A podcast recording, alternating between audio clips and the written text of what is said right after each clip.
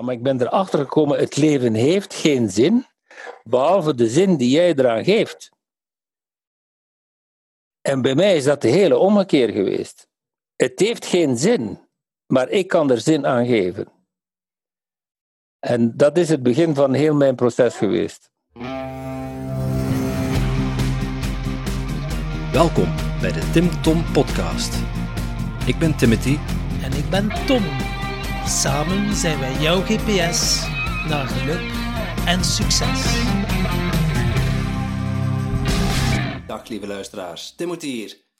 Voor je begint te luisteren naar deze aflevering, graag neem je aandacht. Tom en ik hebben namelijk iets tofs voor je. Ben jij, net als wij, gek op persoonlijke ontwikkeling en wil je de beste versie van jezelf worden? Dan heb ik goed nieuws. Speciaal voor jou hebben we onze beste leestips en onze mooiste inzichten samengevat in een handig e-book. Surf snel naar www.timtompodcast.com om jouw gratis PDF te downloaden. Hallo lieve luisteraars, welkom bij alweer een nieuwe aflevering van de Tim Tom Podcast. Jouw GPS naar geluk en succes. Vandaag in route 40 hebben we Jan Bommery te gast. Jan is Vlaming van geboorte, maar hij woont al sinds 1995 in Californië. Jan is inspirator, spreker en coach. Hij is ook auteur van de bestsellers Flow en de kunst van het zaken doen. En kun je een rups leren vliegen? Zijn prioritaire thema's zijn flow, transformatie en loslaten. Die drie thema's gaan eigenlijk over hetzelfde. Ons ware potentieel bevrijden door los te laten wat of wie we niet zijn. Of anders gezegd, ze gaan alle drie over bewustwording van wie we echt zijn. Loslaten is iets wat mensen van nature kunnen, maar vaak verleerd zijn door alle ervaringen in het leven. Je kunt de kunst van het loslaten weer terugkrijgen met een beproefde methode die je leert te werken met je bewustzijn en je gevoelslichaam, in plaats van te werken met je drukke geest. Onze blokkades die het loslaten tegenwerken, bevinden zich namelijk in het gevoelslichaam. En vanuit deze blokkades is de bezige overlevingsmind of de monkey mind, zoals ze in het boeddhisme zijn, ontstaan die ons constant in beweging of zelfs in onrust houdt. En als je eerlijk bent, je zit waarschijnlijk veel in je hoofd en de kunst van het piekeren hoeft niemand je te leren. Gelukkig, lieve luisteraars, staat deze podcast voor je klaar, waarin Jan je precies uitlegt hoe je sneller en gemakkelijker kunt loslaten. Ook zitten er heel concrete tips in het interview, zoals vier vragen die je kunt stellen om te ontdekken wie je echt bent. Veel luisterplezier. Oh ja, en speciaal voor onze luisteraars geeft Jan nog een cadeautje. Als je de kortingscode TIMTOM30 ingeeft, krijg je een mooie korting van 30 euro op zijn online cursus Leren Loslaten. Alle info vind je overigens op onze website. Ja, en Jan, laat u volledig gaan, want het is, al zeg ik het zelf, een podcast om duimen en vingers van af te likken. Wat een waardevolle podcast, vol mooie inzichten. Geniet ervan. Dag Jan, goedemorgen. Dag Tom, echt Tim. Ja, bij ons is het avond. Wij spreken jou in, uh, uh, via Zoom, uh, want jij woont in Californië. Dat klopt, ja. Ja, en we zijn weer in het nieuws met de branden. Hè. Dus, uh, de brand is ver van ons, maar, maar hier is er ook rook en, en de lucht is hier ook toxisch. Dus en, en, de zon, en de zon zit ook achter rook. Het is, uh, het is ook weer een enorme brand die bezig is. Ja, smog. En ik wou vragen, van, ben jij veilig? Want uh, er is redelijk wat ja. aan de hand daar. Ja, we zijn veilig, maar de, de lucht is toxisch. Hè? Dus dat, ja, daar kan ik niet veel aan doen. Hè? Ik, heb, ik heb luchtfilters in huis. Maar uh, buiten moet er niet veel zijn op dit moment. Nee. Ja, dat geloof ik. Ja, dat is, uh, het is wat dat is natuurlijk. Hè? Ja, dat klopt ja. inderdaad. Wij zitten ook al zeven maanden in lockdown, hè? dus zonder versoepeling. Zonder versoepeling? Vanwege ja. corona? Ja, zeven maanden al. Amai. Ja, geen één openbaar gebouw open, alles, alles op minimum. En ja, geen versoepeling. Nee, en hier zijn ze dan al kwaad als ze verplicht mondmaskers op moeten zetten. Ze zouden Ja. beter, eh, ja, ze zouden beter eens, eh, eens wat meer om zich heen kijken wat er aan de andere kant van de wereld ook eh, aan de hand is. Ja, het is een moeilijk onderwerp. Hè. Wat, wat, Dus, doet dat, eh, wat, wat doet dat met u als persoon, Jan, zo, eh, zo, zoveel binnen, verplicht in lockdown zitten, zoveel binnen zitten? Zeven maanden is wel heel lang. Oh, in het begin is dat irritant, maar, maar ja, op het moment dat je accepteert dat er dingen zijn waar je geen invloed op hebt, dan, eh, ja, dan laat je het los. Mooi bruggetje. ja. Ja, klopt. Want eh, we hadden, eh, deze ochtend eh, waren we langs geweest bij een zangeres voor een podcast, Slongs, die van ons. Ik weet niet of dat je die kent. Vanuit het Antwerpse. Ja, dat is een Antwerpse rapster of zo.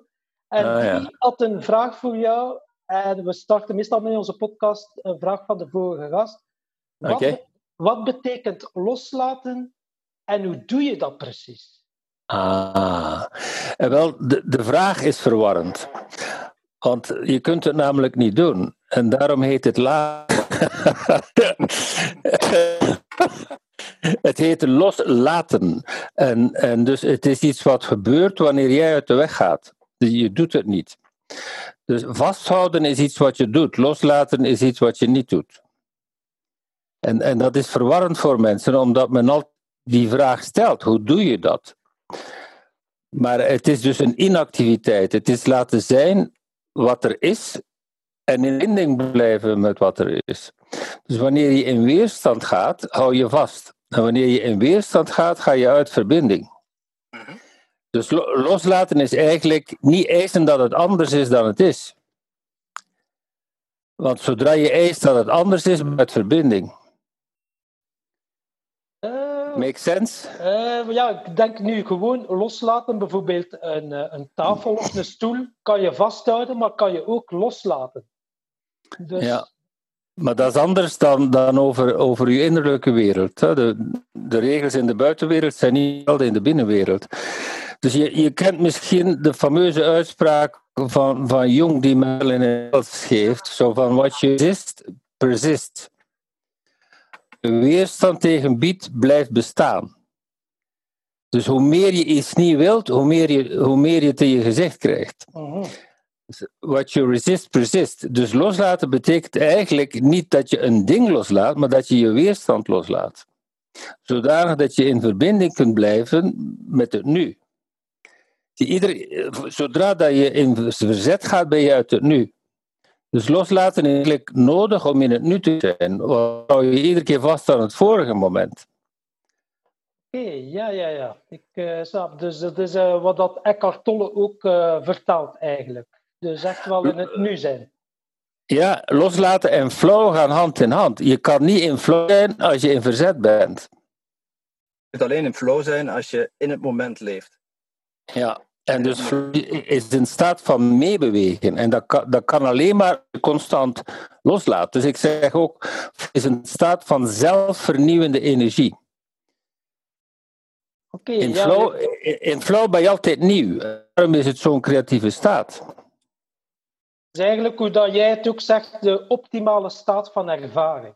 Uiteindelijk. Ja. Flow. Ja, in flow leef je vanuit je potentieel in plaats vanuit je verleden.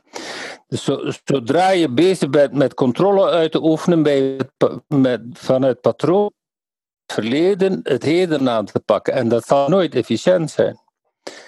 Want het, het, het, nu is altijd nieuw, dus dat kun je niet met oude informatie aanpakken. Oké. Eh, eh, als ik het goed begrijp, eh, zeg je dus ja, eh, loslaten is gewoon in het nu zijn. En Ja. ja, wat dat er is, is er. En daar kan je toch niks aan veranderen. Ja, het is het besef zijn die je kunt beïnvloeden en andere dingen die je niet kunt beïnvloeden. Daarom, daarom is het, het sleutelwoord is acceptatie. Dus op, mensen hebben vaak ook een verkeerd begrip van wat acceptatie is. Men ziet dat als een passieve staat, maar acceptatie is geen passieve staat. Het is een zeer, een zeer bewuste staat van wat je wel en niet kunt beïnvloeden, een hoge vorm van bewustzijn. Het is, het is helemaal geen passieve staat, het is een hele actieve staat. Het is heel, heel scherp waarnemen. en onderscheid maken. Het is een zeer bewuste staat acceptatie. En- En Sorry, als je, ehm, als je zegt van dat loslaten hè, in, het, in het moment leven, ehm, het is eigenlijk geen. eh, je kunt het niet doen, want het is iets juist niet doen. Ehm, Ja. Maar het is wel een skill, een vaardigheid. Het is meer een kunst. eh, Het is meer een kunst, in, eh, zeg ik altijd, hè, de kunst van het loslaten. Het is eigenlijk het leven. Het leven is een zelfvernieuwend proces. Dus als je daar een metafoor van wilt, in je bloedsomloop sterven er elke seconde twee en worden vervangen door miljoen nieuwe. Elke seconde. Dus het leven is een constant proces van zelfvernieuwing in het nu. En wij mensen hebben daar moeite mee, omdat wij controle willen. En in de mate dat je controle wilt, zie je tegen wat gebeurt. Is juist wat ik Cartolo vertelt. Zodra je wil dat het alles is, ben je niet meer in het nu. Dus je hoeft, je hoeft het daarom niet, niet leuk te vinden wat dat gebeurt. Dat is een andere insteek. Dus ik hoef het niet fijn te vinden, maar ik kan wel, als ik het accepteer, kan ik wel zien wat er is. En dan, dan alleen kan ik een bewuste keuze maken. Je, je, kan ook niet, je kan niet proactief zijn als je niet in het nu bent. Want dan reageer je altijd vanuit patronen. Kun, En dat is reactief. ja, kun, kun, je, kun je dat verschil uitleggen? Eh, dus wanneer je ja, reactief eh, bent, Ja. dus vanuit patronen rea- reageert, of wanneer je juist. Ja. eh, ja. Reactief is altijd vanuit verzet. Ik reageer tegen iets. Ik reageer op iets. Proactief is vanuit jezelf, vanuit je waardesysteem, vanuit een bewuste keuze. Dat is proactief. Dus en dat is ook een begrip wat helemaal ver- verward wordt. Dus het is heel belangrijk dat wij woorden definiëren. Dus eh, proactief is een van de meest misbruikte woorden ook. In, in een bedrijfsomgeving gebruikt men dat woord heel erg in de zin van je moet proactiever zijn. En dan bedoelt men je moet meer initiatief nemen, maar dat heeft daar niks mee te maken. Proactief betekent dat je handelt vanuit een bewuste keuze. In plaats van te reageren tegen iets, onbewust, maak je een bewuste keuze. Dat is proactief. En je maakt die keuze op basis van een helder waardesysteem en van heldere waarneming. Anders kun je geen bewuste keuze. Dan, eh, dan iets reageert in je, maar dat, ben jij niet. Dus een andere manier om hetzelfde te zeggen is in, in, als je in het nu bent, ben je spontaan. Uit het nu bent, ben je geconditioneerd. Oké, dat is een aparte. eh, de- Deze uitleg heb ik eigenlijk nog niet. eh, tenminste, ik heb het zo nog nooit zo bekeken. Ehm, maar wat je zegt, is al dat je eigenlijk alleen vanuit het nu eh, op waarde gedreven keuzes kunt maken. Omgekeerd, je moet duidelijke waardes hebben om te kunnen in een bewuste keuze maken in het nu. Het, het werkt altijd in twee richtingen, hè? maar dus eh, het is, denk ik, als je met dit soort onderwerpen bezig bent, duidelijk dat de meeste mensen geen helder waardesysteem hebben. Dus dan kun je ook geen bewuste keuzes maken. En dan neem je dus altijd keuzes op basis van je oude patronen. En dat zijn geen keuzes, dat zijn gebeurtenissen die, die gebeuren in de stimulus-responswereld. Dus een prikkel en een patroon reageren, maar dat ben jij niet. Dus wat wij zijn, is spontaan. Dus een, een, een van de simpelste manieren om flow te definiëren is: in flow ben je je spontane, natuurlijke zelf. En als je uit de flow bent, ik ga eens een hele scherpe uitspraak doen. Als je uit de flow bent, zit je in een bepaald niveau van drama. Kun je dat toelichten? Een bepaald niveau van drama?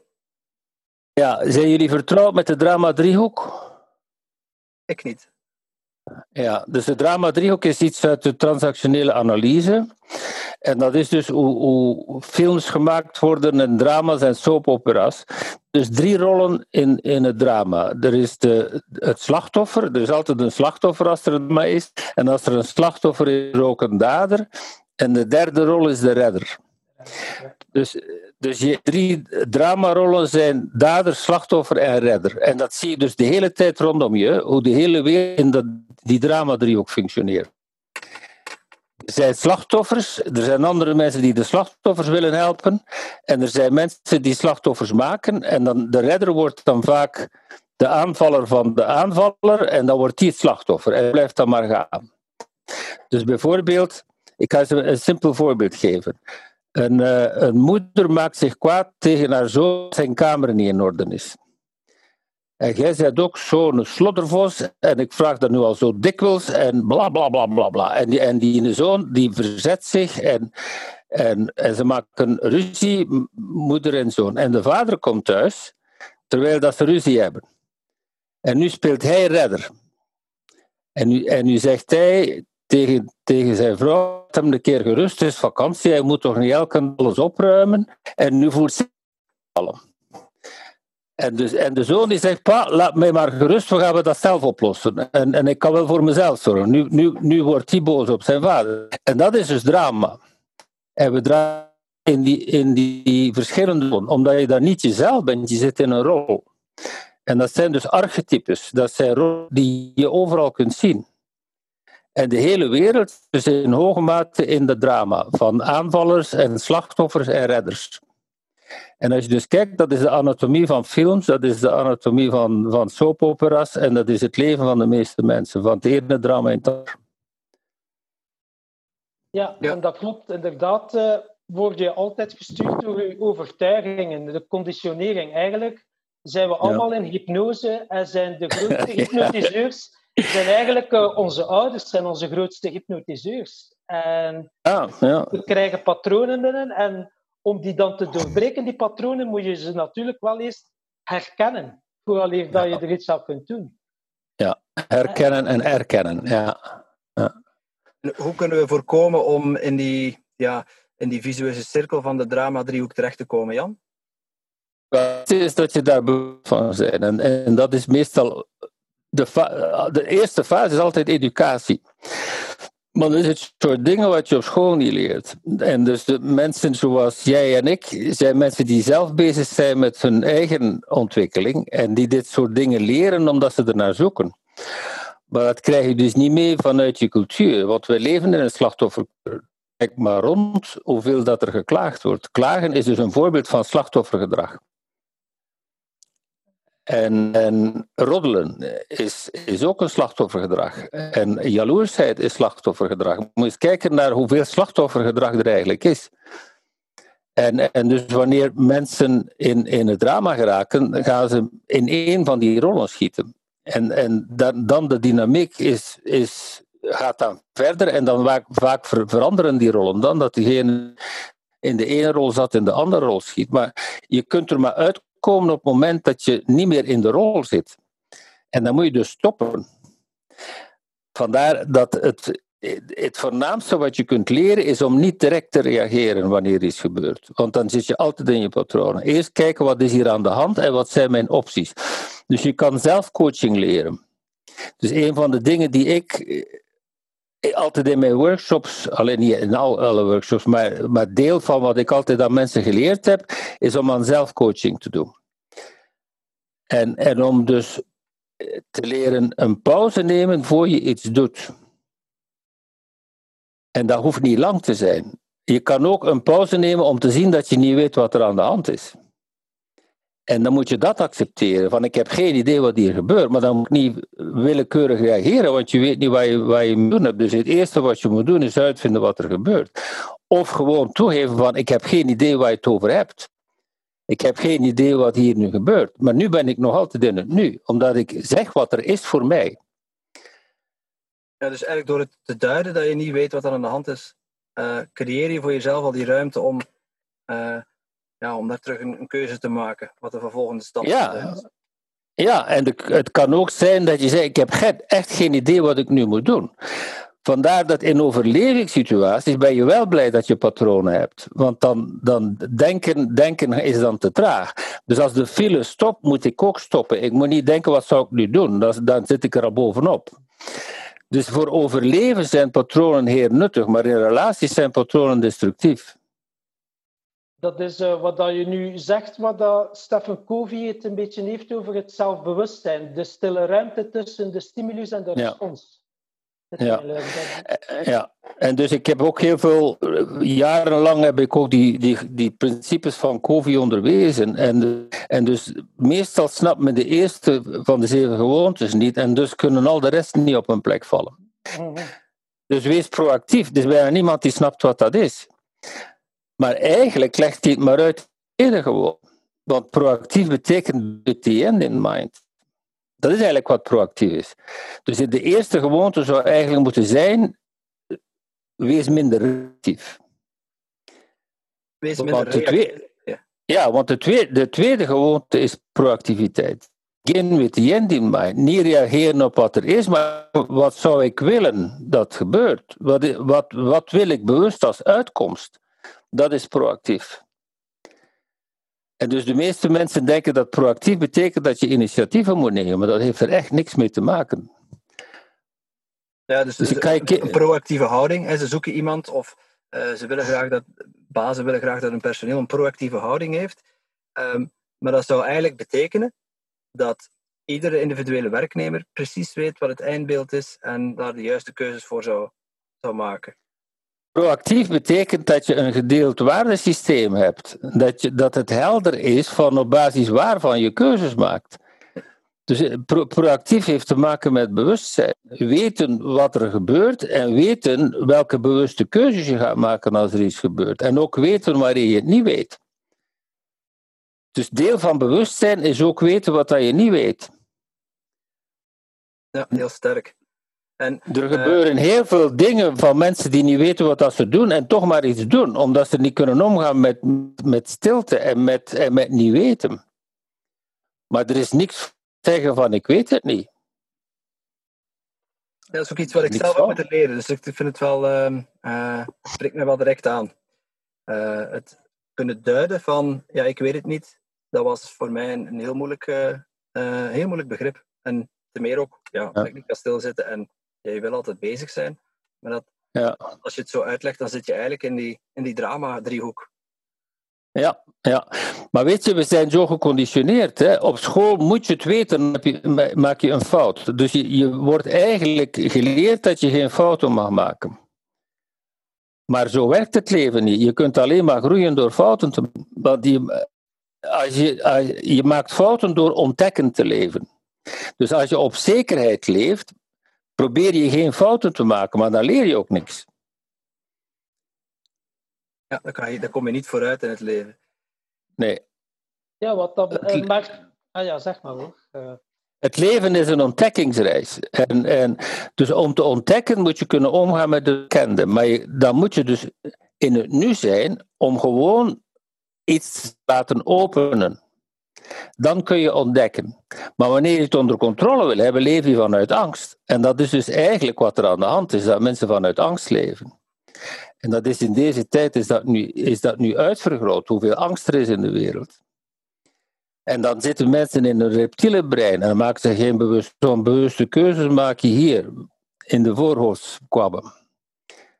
Niet, niet, in, nee niet in je hersenstam en niet in je limbische hersenen. Dat zijn allemaal reacties. Dat is overleven. Maar waar we eigenlijk behoefte aan hebben, is dat we leren leven in plaats van overleven. En leven bewust. En leven is uiteindelijk ook gaan, gaan voelen. Wat ik merkte bij mezelf, uh, dat ik vooral in mijn hoofd zat. Dat ik alles ja. wou verklaren. En om van uw denken naar uw voelen te gaan, ja, dat is wel een dingetje. Uh, ja. Dat is stap 1. Dus in mijn workshops over loslaten begint het altijd met lichaamsbewustzijn. Dus wanneer iemand zegt, ik voel me niet goed, dan zit ze nog altijd in hun hoofd. Dus mijn volgende vraag is, en waar voel je dat? Mhm. Maar dan moet je naar het lichaam toe. En dus wij, wij leven in een hoofdcultuur. Dus het is heel belangrijk om te kunnen voelen wat er in je lijf gebeurt. Maar waarom voelen we niet in ons lijf? Omdat we weglopen van de pijn die daar zit. Dus de oude pijn zorgt ervoor dat je in je hoofd zit. En, en loslaten betekent dat je die oude dingen opruimt omdat je wilt voelen, dat je niet bang bent om te voelen. En als het, eh, als het pijn doet, dan doet het pijn, maar dan, dan kijk je ernaar. Dan, als je ernaar kijkt, kun je er bewustzijn aan brengen. Als je ervan wegkijkt, onbewust zijn.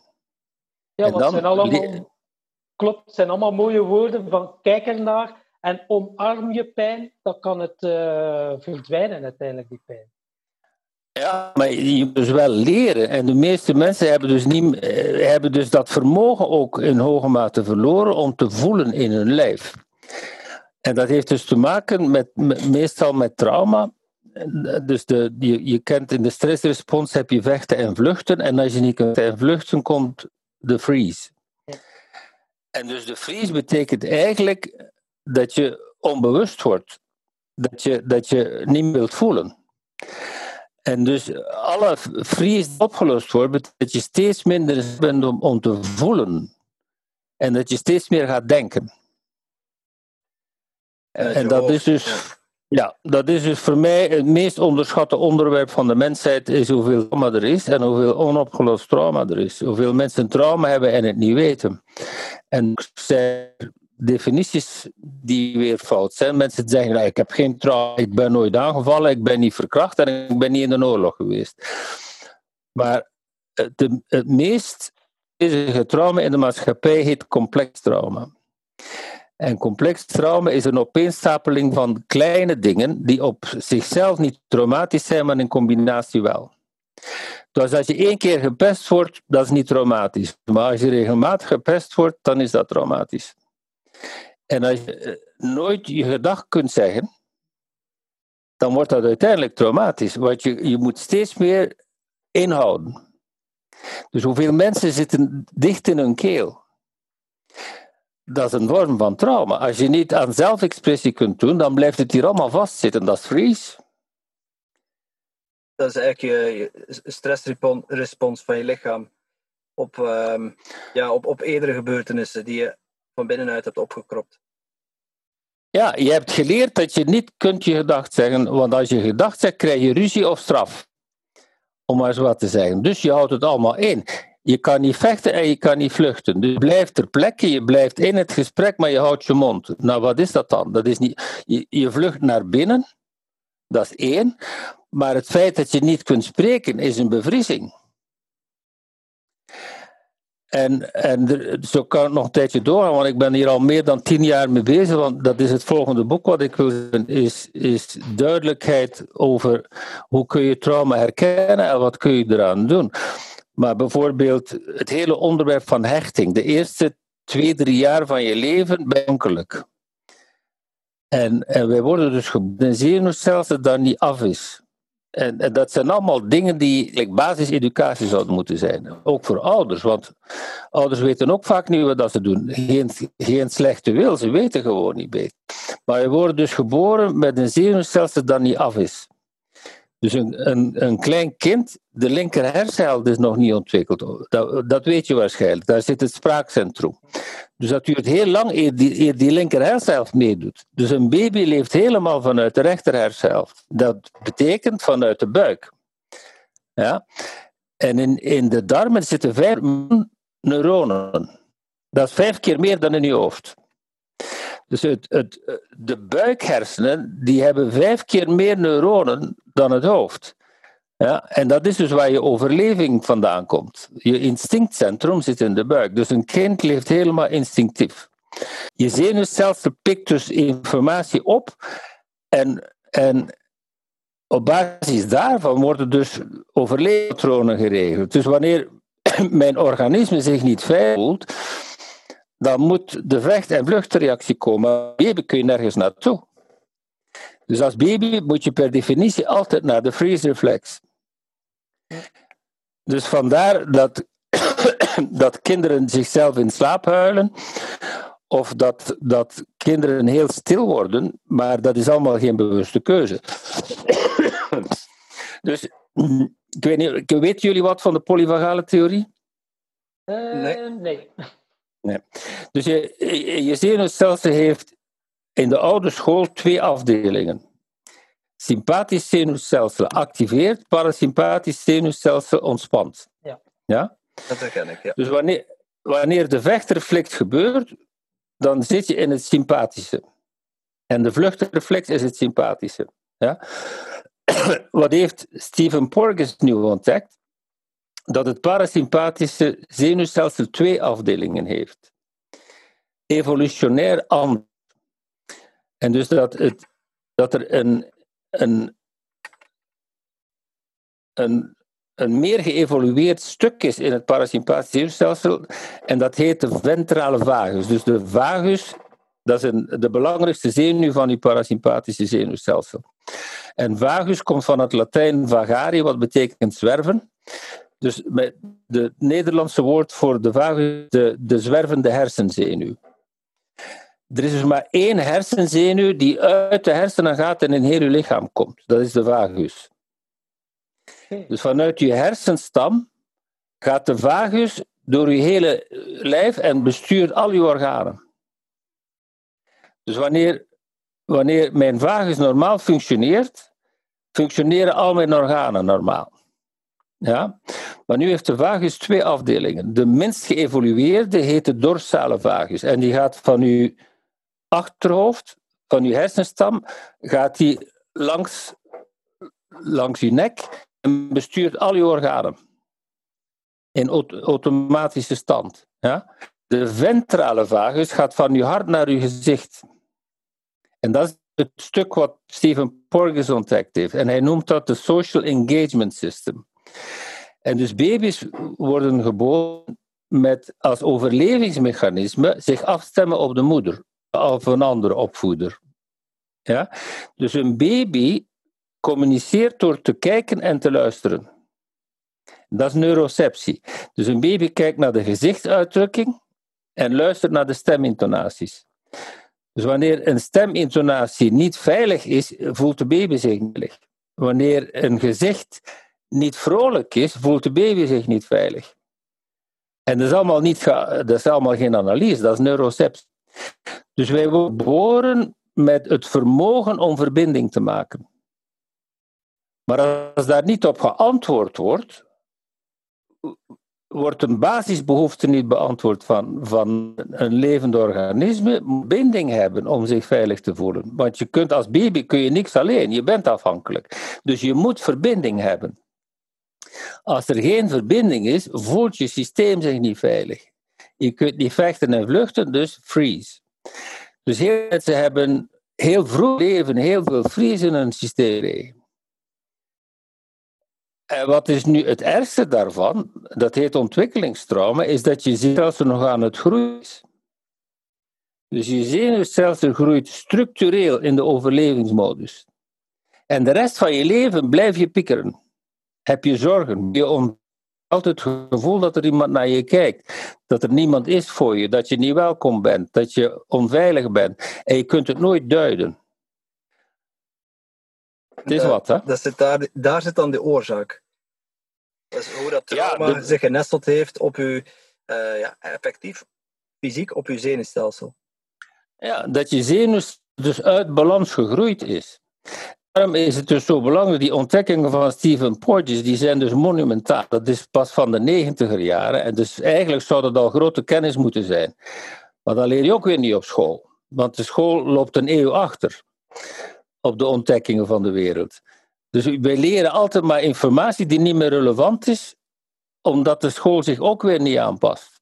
Dus het, is, ja, het is een, een, een groot onderwerp hè, waar we nu in zitten. Maar ja, het is dus heel, heel relevant om te weten hoe dat je lichaam werkt. Hoe kun je in godsnaam aan bewust leven doen als je niet doet dat je zenuwstelsel werkt? Dus wat wij leven noemen en proactiviteit, dat heet ook zelfregulering. Of zelfregulatie. Kun je zelfregulering dat uitleggen?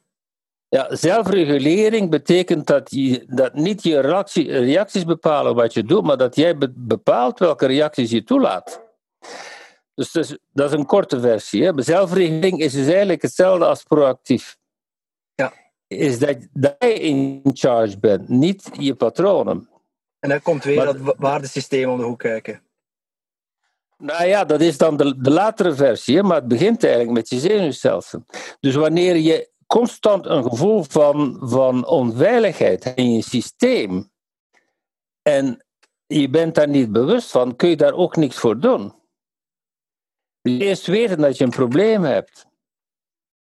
En dus het hele stuk van educatie, dat is waarom ik zo, zo intensief met dat onderzoek bezig ben, eh, omdat er zo'n behoefte is om mensen te helpen begrijpen waar dat ze last van hebben. Dat je dus leert de, fenomenen herkennen en dat je leert dat je kan je zenuwstelsel veranderen. En dat heet neuroplasticiteit. Dat is ook een begrip wat veel mensen nog niet gehoord hebben. We, we hebben dus in de laatste tientallen jaren ontdekt dat het zenuwstelsel kan veranderen op basis van je bewustzijn. Dat mensen die mediteren hebben een ander zenuwstelsel dan mensen die niet mediteren. En dat je dus kunt leren door andere patronen en andere gewoonten te ontwikkelen. Dus leren dat bepaalde logische verbindingen verzwakken en dat je andere creëert. Dus misschien heb je ooit die uitdrukking gehoord: neurons that fire together wired. Nee. Dus neuronen, neuronen die samen actief zijn, creëren verbindingen, paden, neuro- neurale paden. Dus een gewoonte heeft neurale paden in je zenuwstelsel.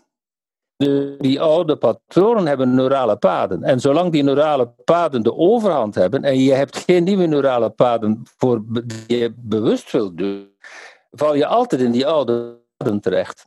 Ja, ik kan mij wel inbeelden, eh, zo bepaalde gewoontes, als dat er al is inges, eh, ingeslepen, ja, dat zijn autostrades, die verbindingen. En als je Ja, een nieuwe verbinding wilt leggen, heb je maar een wegeltje uiteindelijk. Ja, Met putten. Ja, en dus ge- gewoon sociale netwerken.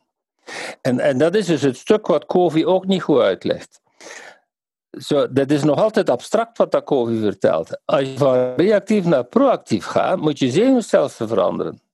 Ja, dus- En dat is, oef- dat is oefenen. Ja, dus wat jij zegt, Jan, eh, slecht nieuws, we zijn allemaal misgroeid, of ons zenuwstelsel is misgroeid. Eh er is ook goed nieuws, Ja, je kunt er iets aan doen. allemaal, hè? Ja, niet allemaal. Hè? Dus eh, er zijn ook mensen die veilig gehecht zijn. Hè? Dus eh, gelukkig. Maar er zijn heel veel mensen onveilig gehecht. En hoe komt dat? Niet omdat de ouders van slechte wil zijn, maar, maar omdat ze ook getraumatiseerd waren. En dus wij, wij leven trauma's van generatie op generatie. Wij krijgen ook trauma's mee van onze ouders. Dus de pre- meer generatietrauma's is ook zo'n onderwerp. Dus wanneer je, wanneer je in de moederschoot bent, krijg je ook genetische informatie mee. Dus je kan eigenlijk last hebben van een trauma van je grootmoeder. Ja, dat nu- zich zeker uit in jouw leven. Ja, ja. Dus dat hele onderwerp van trauma is zo'n belangrijk onderwerp. En we moeten daar niet blijven op doorgaan nu, maar het is wel belangrijk dat mensen weten dat als ik wil gelukkig zijn, dat ook mijn zenuwstelsel dat moet toelaten dat de flow in mijn lijf kan stromen. En dat er dus ook een, een, een heel stuk bij zit van, van leren omgaan met je lijf. En dus de, de, de oude school van, van veel van die dingen, positief denken, positief. Ja, als, als mijn lijf vol trauma zit, kan ik positief denken, wat ik kan niks veranderen. Ja, wat ik kan mij wel inbeelden, als je dan zo'n neurale verbinding, dat je al jaren doet, wil doorbreken, dat er heel veel weerstand op komt. En dat heel veel mensen het niet aankunnen. Ja, het vergt moeite om moeiteloos te worden, zeg ik altijd. Dus eh, het vergt, dat is waarom, waarom sporters meer in de flow zijn, omdat zij getraind hebben om neurale paden te ontwikkelen, zodanig dat ze daar niet meer moeten mee bezig zijn. En dus kunnen ze de controle loslaten. En zo'n Dus iemand die- neura- zo'n neurale verbinding kan je dan doorbreken eh, en een nieuwe neurale verbinding doen. Of hoe, hoe- Wel, door, Kan je dat doorbreken, is, doorbreken is niet het woord, hè. je moet het ophouden te voeden. Dus het is hetzelfde als je geen water blijft geven aan een plant, gaat ze, gaat ze niet meer groeien. Dus het, is de, het water in ons systeem is aandacht. Waar ik aandacht aan geef, groeit. Dus als ik altijd maar mijn aandacht onbewust verleden laat zitten, blijf ik het verleden versterken in mijn, in mijn zenuwstelsel. Blijf ik die oude paden versterken. Maar dat is onbewust. Het is omdat mijn aandacht vastzit. Dus freeze zit aandacht vast. Hè? Dus betekent dat je bewustzijn voor een deel vastzit in het verleden. Dus wat je eigenlijk moet doen, is je bewustzijn bevrijden. Datgene wat vastzit, moet je weer vrijmaken. En, en dat is dus het proces van bewustzijnswerk. Hè? Dus ik, ik heb misschien de uitspraak waar aandacht naartoe gaat, gaat energie naartoe. Energy Ja, en waar energie, Ja. energy flows. Ja, ja, ja, Ja. Sorry. En waar energy flows, life grows. Ja, dus het water, het water dat wij geven aan ons systeem is aandacht. Dus als je constant aandacht hebt op negativiteit, dan groeit je zenuwstelsel in een verdedigende En dan leef je defensief in plaats van in verbinding.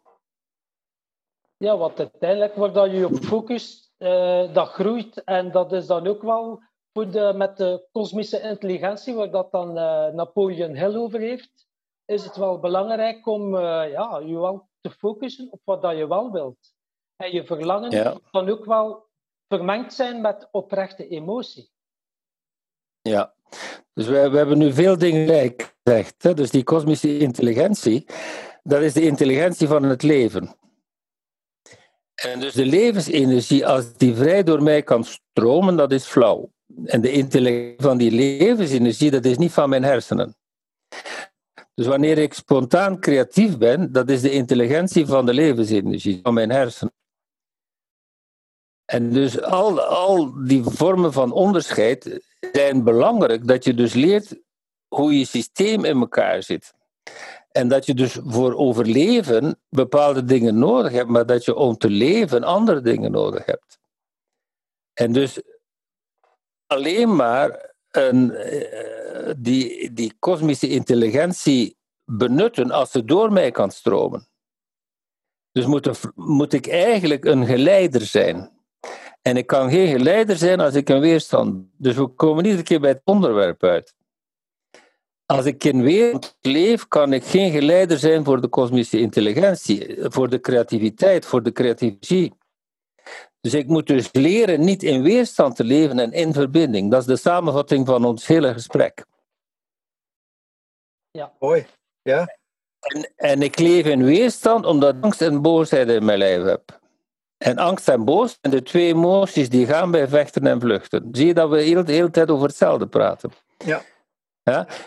Het is heel belangrijk om te zien, en daarom kom ik dus terug op iets anders dat Tom zei, dat we het onderscheid leren tussen emoties en gevoelens. Het is allemaal bewustzijn. We, we leren, leren niet hoe ons systeem in elkaar zit, en we, leven, we leren foute informatie. En dus wanneer de input niet klopt, zal het output ook niet klopt. Wanneer je foute dingen, je nooit aan de andere kant de juiste uitkomst hebben. Ja? Gigo-principe, G-I-G-O, Gigo. Nee, ken ik. Nee, ken ik Ja. ook niet. Gigo staat voor. Gigo staat voor garbage in, garbage out. Dus als je foute informatie krijgt in je opvoeding en je verbetert die niet, ga je blijven dezelfde maken en niet weten waar het vandaan komt. Dus om, om je een voorbeeld te geven waar we dus nu mee bezig zijn. Emoties zijn overlevingsmechanismen. Gevoelens niet. En men haalt het allemaal door elkaar. En, dat is dus een van gebrek aan bewustzijn dat je geen onderscheid maakt tussen dingen. Want bewust te maken ook met onderscheid, met waarnemen en met onderscheid. Dus emoties zijn van het lijf. Dus de vechtreflex, daar hoort boosheid bij. En boosheid doe je niet, dat gebeurt. Dus eh, je hebt boosheid nodig om te vechten. En daar hoort dus een heel, een heel neurologisch proces bij, maar ook je hormonenstelsel. Dus emoties zijn zowel chemisch als elektrisch, bij manier van spreken. Dus er is energie bij boosheid, maar er is ook een hele, een hele uh, neurotransmitterkant bij. Ja, en daar bedoel je de hormonen, de hormonen mee. De stoffen die in je lichaam worden vrij losgelaten om. De dopamine Ja. en de endorfines. Ja, dus men, men kende al het woord hormonen, maar neurotransmitters zijn nog niet zo lang bekend. Hè. Dus neurotransmitters zijn kort vertaald chemische boodschappers. Dus je onderbewustzijn werkt chemisch. En dat zijn allemaal dingen, ik ben er al heel mijn leven mee bezig, maar veel mensen weten daar niks van. Dus een grote doorbraken is een mevrouw die heet Amanda Spurt. Ja, en zij heeft een boek geschreven, Molecules of Emotion. Dus ook vertaald in het Nederlands. Molecules of Emotion. Zij heeft dus de chemische kant van emoties ontdekt. Ja. Neurotransmitters zijn chemische boodschappers. Dus je hersenen geven geen bevel aan je organen. Dat gaat via chemie. Dus die, die neurotransmitters zijn chemische boodschappers die aan de organen en aan de spieren wat ze moeten doen. Dus als ik het een beetje goed begrijp, die uh, chemische boodschappers, dat is bijvoorbeeld ook bij social media. Als je een melding krijgt, dan krijg je een chemische boodschap van kijk ernaar. Wel, je krijgt reactie. Hè? Dus wanneer je bang bent dat het slecht nieuws is, krijg je andere reactie dan als je zit te wachten op nieuws. Je chemische reactie heeft te maken met jouw interpretatie van wat er gebeurt. Ja? Dus emoties hebben een chemische kant en die worden dus gedreven door de overlevingspatronen. Dus vechten, boosheid, vluchten, angst. Ja? En bevriezen is dan zware angst. Doodsangst. Ja? Ja? Maar gevoelens zijn niet van je zenuwstelsel. Wanneer ik liefde voel, dat is simpel om te zeggen dat dat van mijn zenuwen komt. Dat, dat, dat heeft te maken met mijn levenskracht, met mijn hart. dus als ik liefde voel, dat is geen, geen conditionering, dat is mijn vrijheid. Eh, zie, het, en, en daar ook heb je weer het onderscheid tussen eh, gehechtheid en liefde. Hè? Dus veel mensen halen die twee ook elkaar. Maar liefde is vrijheid. Als ik als iemand hou, dan moet ik die persoon vrijlaten. Moet ik niet willen dat die persoon anders is. Als ik jou probeer te veranderen, dat is geen liefde, hè? Nee. Dus, ja, dat zit dan met, als je verkeerd gehecht bent, dan ga je daar naar op zoek. Of dan ja. je dat van een partner en dan zoek je eh, op ja. niveau die partner die je dat kan geven.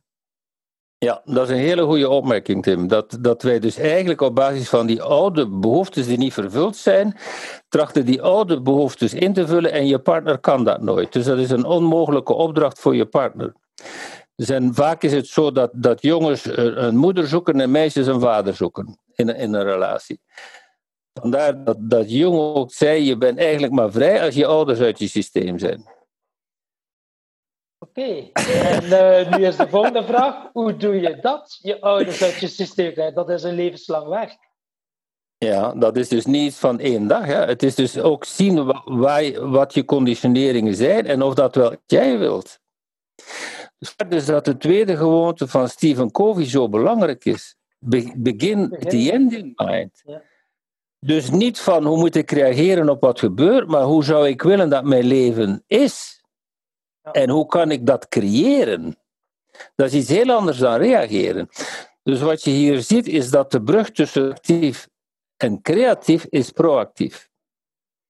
Dus reactief betekent dat ik altijd reageer op wat er gebeurt.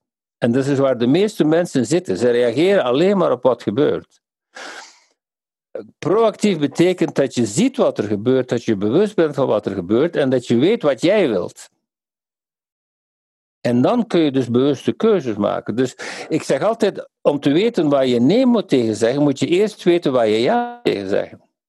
Ja, als het niet helder is, ja, dan weet je niet waar dat je naartoe moet. Dus net hetzelfde als je in je GPS intikt van, uh, ja, waar wil je naartoe? Naar ergens. Ja, dan ga je kans hebben dat je op plaatsen terechtkomt dat je niet wilt zijn.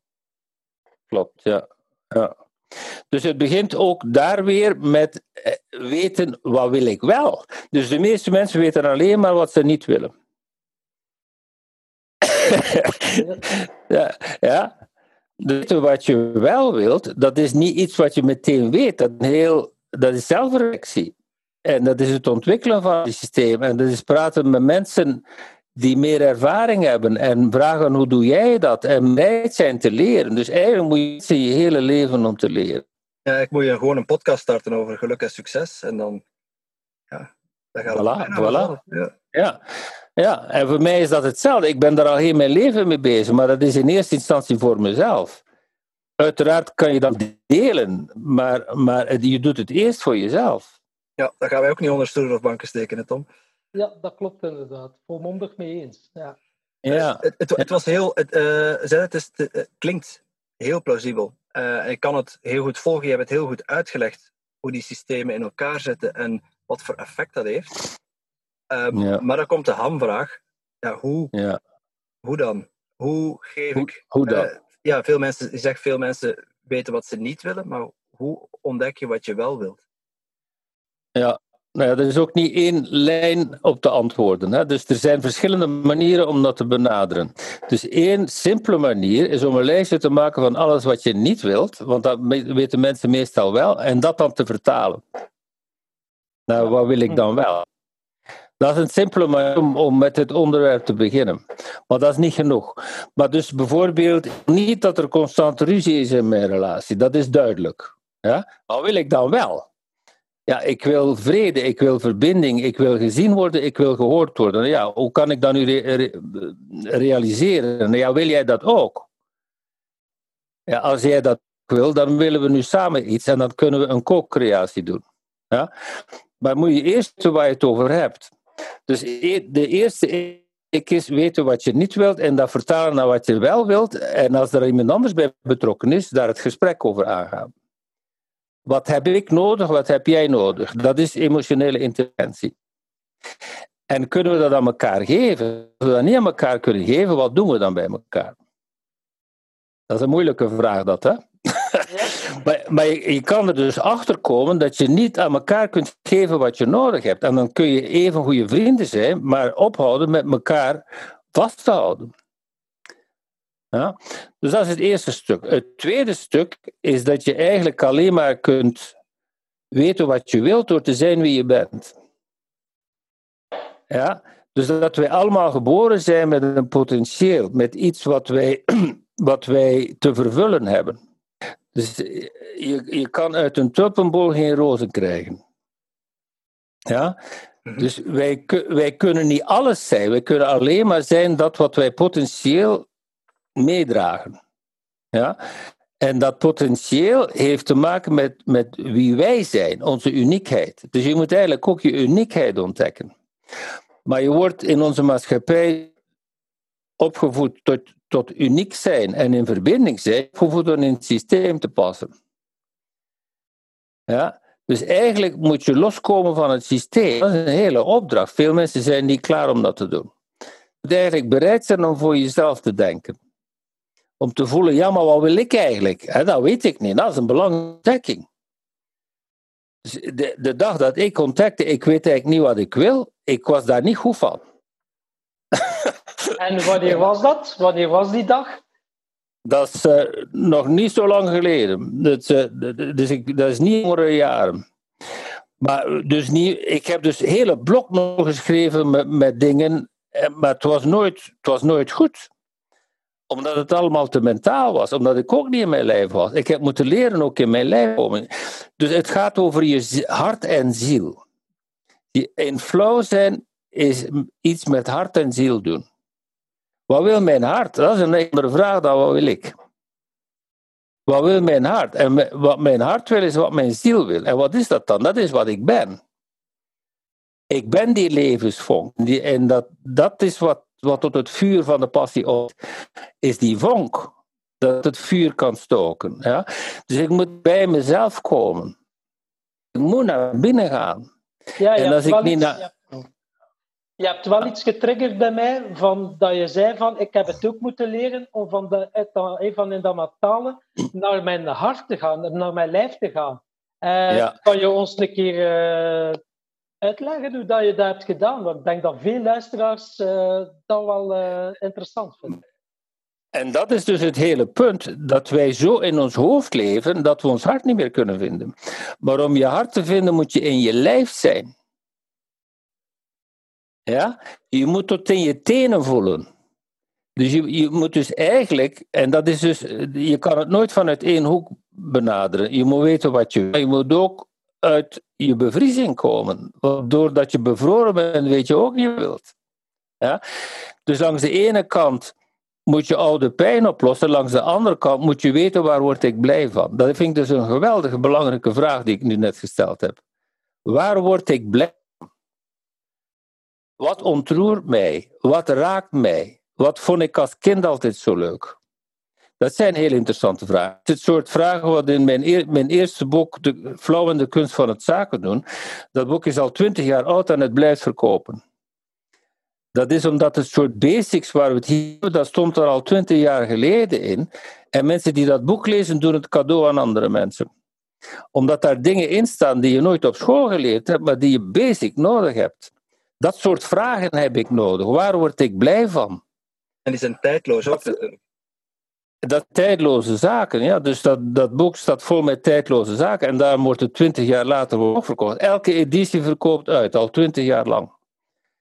En, en ik krijg dus ook regelmatig dat iemand die zelf coach is, dat dat boek ontdekt en dat dan al zijn coaches begint te geven. En dan krijg ik op sociale media reacties van, had ik dat twintig jaar geleden gehad? Nou, dat is dus nooit te laat, hè? Uh, de, ik, ik ben ook erg aan van die oude Chinese wijsheden. Dat is een oude Chinese wijsheid. De beste tijd om een boom te planten is twintig jaar geleden. Ja, die is mooi. en de tweede tijd is nu.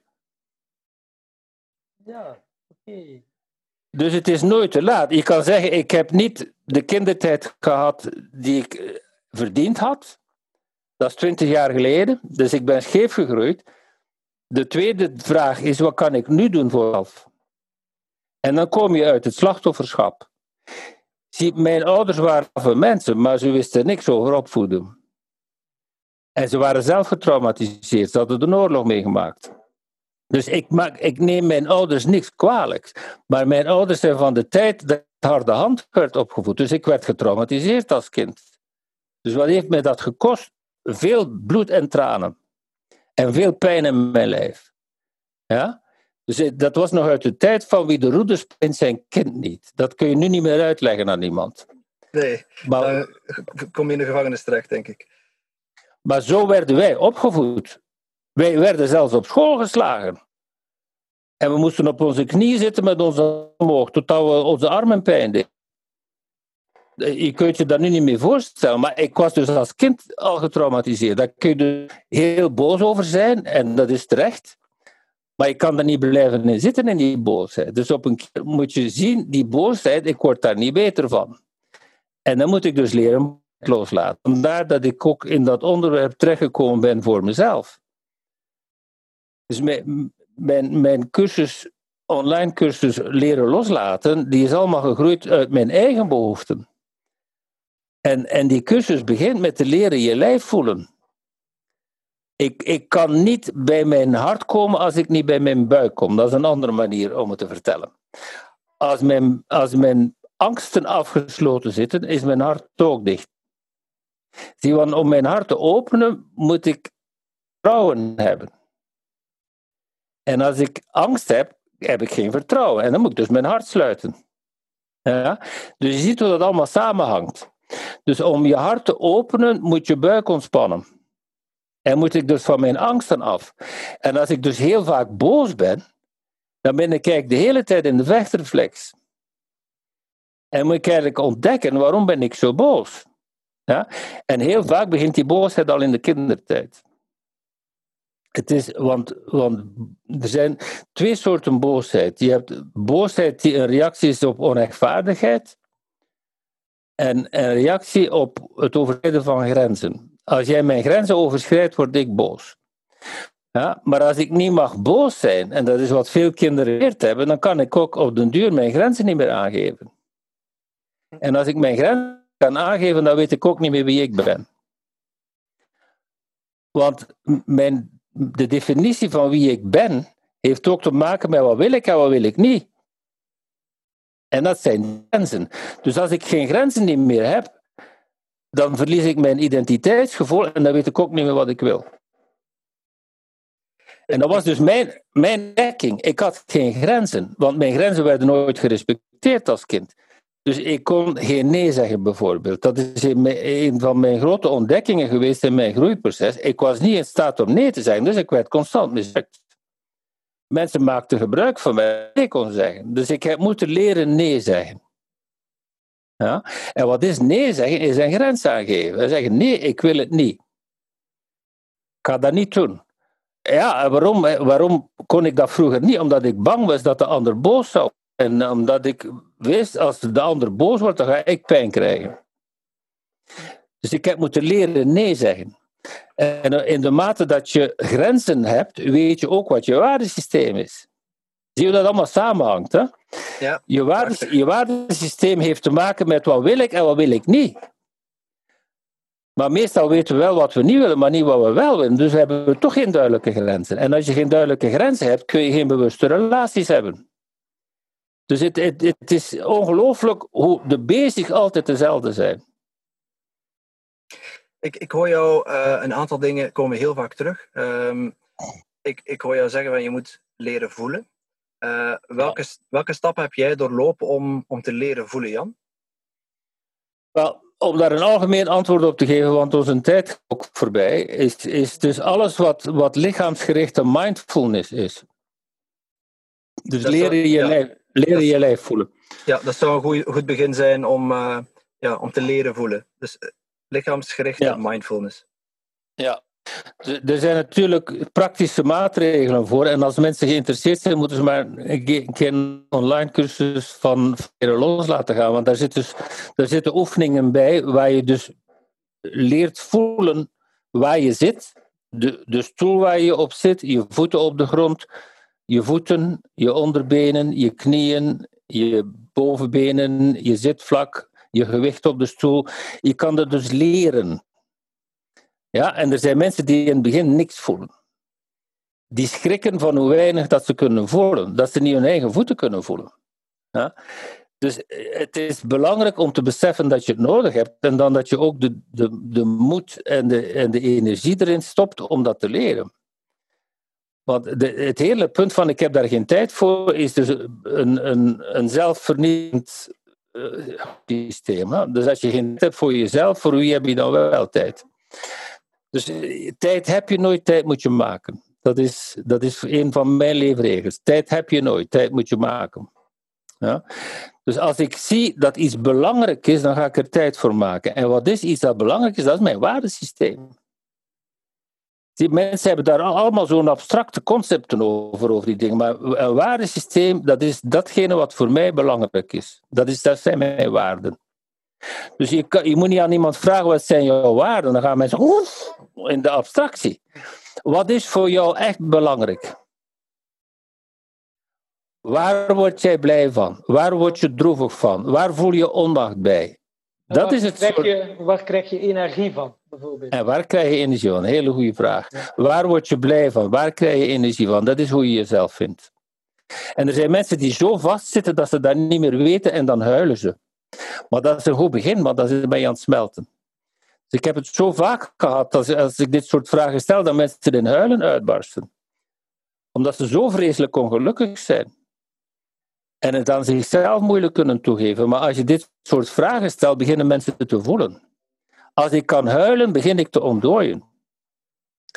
Dus ik, ik ben, recent hebben wij iets, iets op sociale media gepost over, over het onderdrukken van huilen nog nooit zoveel reactie gekregen. Hoeveel mensen kennen dat ze hun tranen onderdrukken. Want je wordt verondersteld niet te huilen. Je moet sterk zijn. Wie zegt dat? Dat je moet sterk zijn. Dus die hele cultuur van je moet altijd sterk zijn, wat een ongelooflijke onzin. Als ik verdriet heb en ik kan niet huilen, dat is vreselijk, dat is, dat is bevriezing, dat is traumatisch. Als ik niet mag huilen, dat is traumatisch, want dat stopt mijn zelfexpressie. Natuurlijk mag ik huilen. En er zijn mensen die, die niet kunnen rouwen. En als je niet kunt rouwen, kun je niet helen. Je moet kunnen rouwen. En ook naar een relatiebreuk. Als je daar niet kunt over rouwen, kun je niet helen. En rouwen betekent dat je de rauwe emotie moet kunnen voelen. En die niet wegstoppen en jezelf niet verdoven. En niet overschakelen op, op drank en rock en roll. want die pijn doet pijn. En, en dat is waar dat je. Het doet verdomme pijn. Ja? En als ik het niet alleen kan, dan moet ik leren hulp zoeken. En dat is voor veel mensen ook een vreselijk moeilijk iets om hulp te zoeken. Ja, begint met hulp vragen. Ja. Het, het is oké om het niet te weten. En het is oké om te zeggen: ik kan dit niet alleen. Je moet het wel durven Maar uitspreken. Ja. Ja, en daar zijn we vaak ook belachelijk gemaakt geweest. Dus we zitten ook in, in de angst om hulp te vragen, want dan gaan ze vinden dat ik flauw ben. Nee, hulp vragen is moedig. Hulp vragen is een teken van, van, eh, van bewust weten waar je bent en van te kunnen zeggen van ik kan dit niet alleen en ik heb hulp nodig. Dat is een geweldige stap in je leven om te kunnen weten wanneer je hulp nodig hebt. Je ziet, we zouden nog kunnen uren doorgaan. Hè, zo. ja, fantastisch. Zeker. Ik, eh, zeker. Genot om te luisteren en al die inspiratie en al die, eh, ja, het komt stroomt, Ja. moet ik echt wel Ja. zeggen. Daar- Maar daar zijn de boeken voor, hè, dat mensen dat op hun eigen tempo kunnen doen. En er zijn mensen die moeite hebben om, om zo'n podcast helemaal op te nemen, die het allemaal willen opschrijven, want het hangt af van je leefstijl. Maar daarom heb ik ook boeken geschreven. Dus en die boeken blijven verkopen, omdat daar ook oefeningen in staan. Dus Flauw en de kunst van het zaken doen, dat, dat is een van de eerste boeken die in het Nederlandse taalgebied verschenen zijn, waar ook oefeningen in staan voor zelfontwikkeling. En, eh, Dat is, je hebt twint- ook, dat is twintig jaar geleden. En je hebt ook nog eh, flow, en minder moeten en meer flow. En kan je een rups leren vliegen. Welke, ja, welke boek zou je als eerste aanraden aan onze luisteraars? Mensen die Het, hang- eh, het, het hangt ervan. Dus de, de- als je over flow praat, dan praat je over twee boeken. Flow en de kunst van het zaken doen. Dat is voor mensen die dat op hun werk willen toepassen. En dat tweede boek is eigenlijk ontstaan omdat zoveel mensen die het eerste boek lazen zeiden ik zou het willen aanbevelen aan andere mensen, maar die, die vinden die titel niks. Die hebben niks met zaken doen te maken. Dus ik heb uiteindelijk dat tweede boek geschreven op vraag van de lezers van het eerste boek. Dus minder moeten, meer flauw gaat meer over je persoonlijke leven en je relaties. Het eerste boek gaat ook over veel meer dan zaken doen. Dat gaat ook over, je kan geen zaken doen als je jezelf niet kent en als je niet in verbinding kunt zijn. Dus een van de eerste dingen, ik heb in mijn leven meerdere carrières gehad. En mijn, mijn eerste carrière was dat ik in een groot bedrijf gewerkt heb, maar vrij snel kwam ik erachter dat ik eigenlijk opleiding leuker vond, omdat ik avonds gaf in Brugge. En dus ik heb eh, zoiets als acht tot tien jaar verkoopsopleiding gegeven. Ja? Dus ik heb eigenlijk mensen geleerd hoe ze verkoopstechnieken toepassen. Tot ik erachter kwam dat het eigenlijk manipulatie is. Ja? En dan heb ik eigenlijk het omgekeerde geleerd, en dat was flauw in de kunst van het zaken doen, is dat je eigenlijk moet ophouden met technieken gebruiken. En dat je in verbinding moet gaan met je klant. En hoe doe je dat? Dus een, en dus flow is een staat van verbinding. Dus flow, flow krijg je wanneer je er vertrouwen is in het gesprek met de klant. Ja? En die klant ga je niet vertrouwen als jij met technieken bezig bent. Ja. Want dan zie, je die, dan zie je die als een middel voor jouw doel. En die klant wil niet een middel voor jouw doel zijn, die wil zichzelf. Ja? Dus hoe maak ik verbinding met mijn klant? Dat is het begin. Dus ik heb, um, uh, toen ik dat één keer door had voor mezelf, heb ik opleiding gegeven in het ontleren van verkoopstechnieken. Dat was eigenlijk echt voor te lachen. Dat is, uh... Mi minder verkopen, meer verdienen. Komt het op neer. ja, en dus eigenlijk zaken doen en, en dus de principes van Stephen Covey, die, die spelen daar ook een, een rol bij.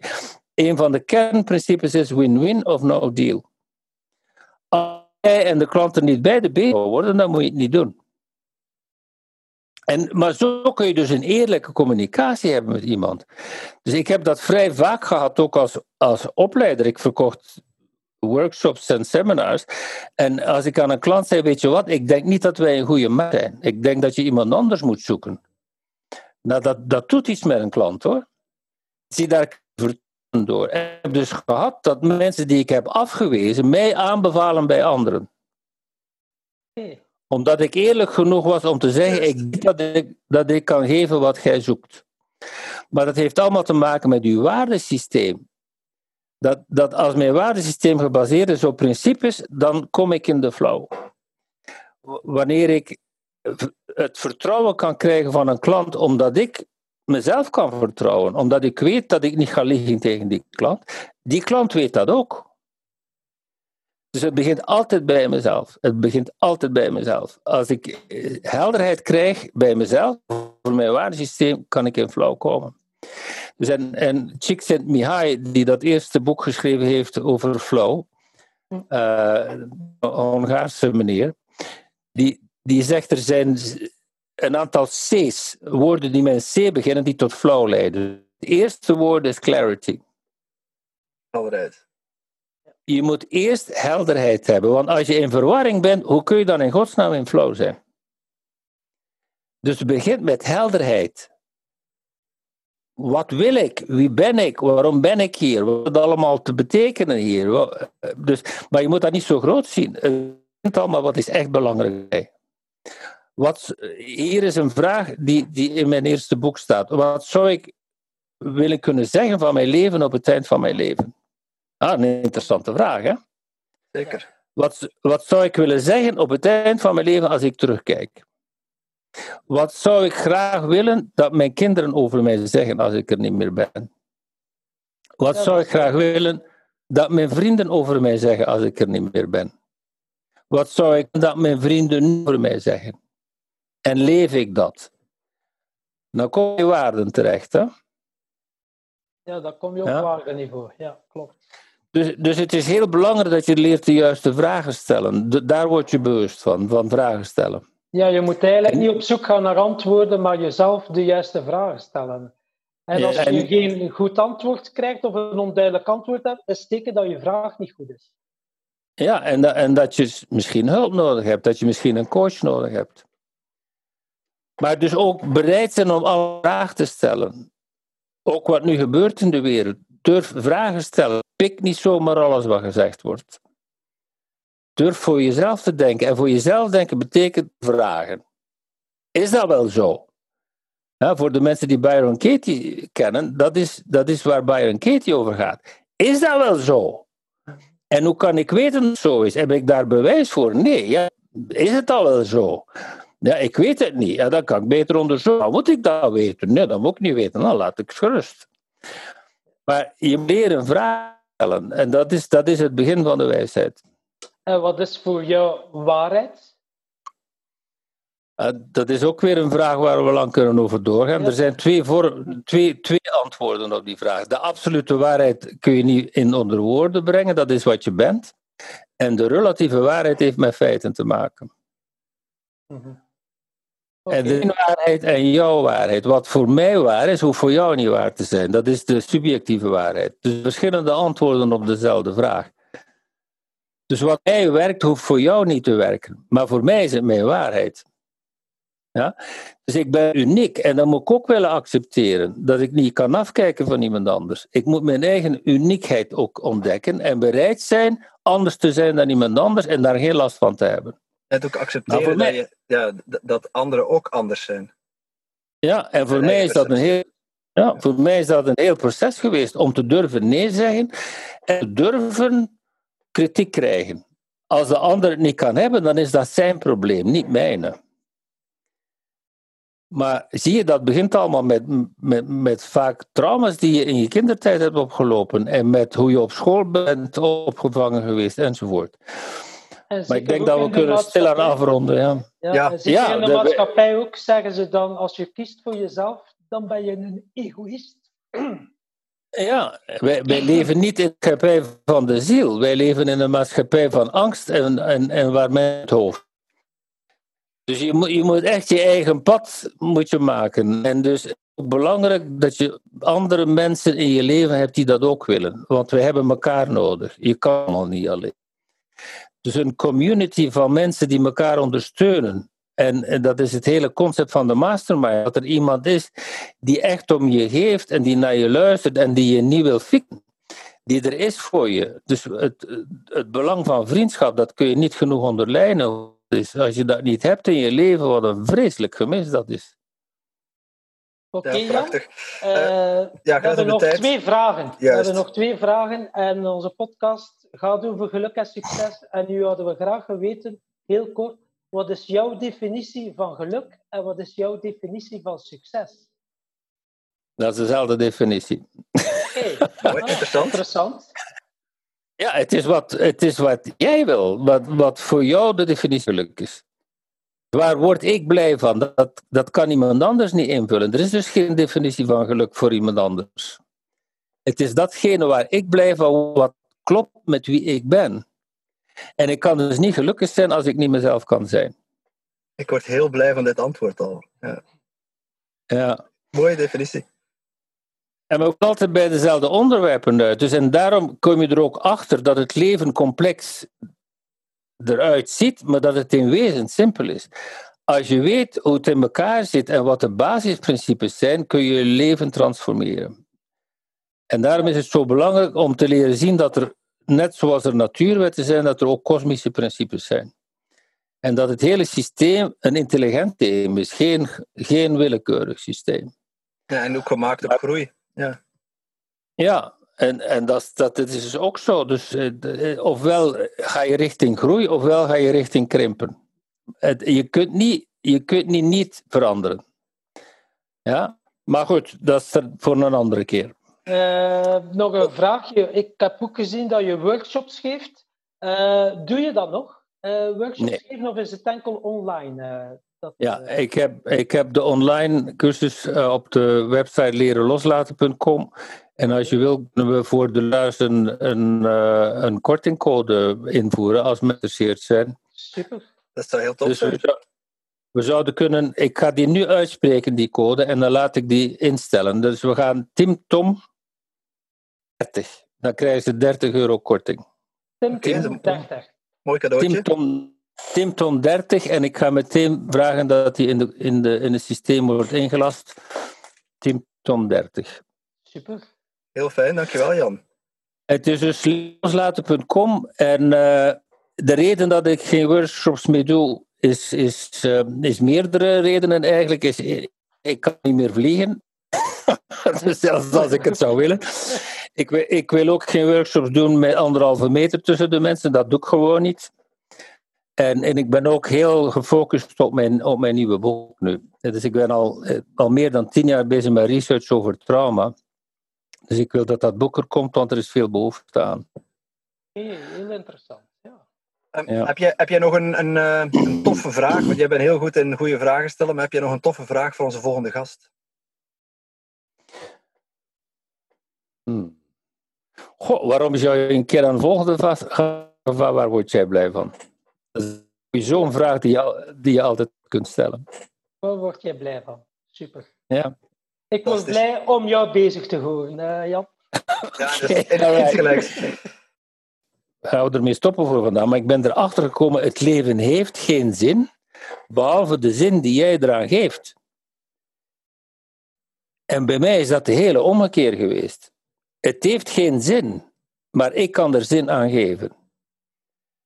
En dat is het begin van heel mijn proces geweest. Ik wil jou okay. heel hartelijk danken voor het, uh, voor het fijne gesprek. Ik heb er zelf veel van opgestoken. Ik denk dat ik ook namens, namens Tom en onze luisteraars spreek. Dus uh, nogmaals, dankjewel Jan. Dankjewel Jan. Graag gedaan. Ja. Graag gedaan.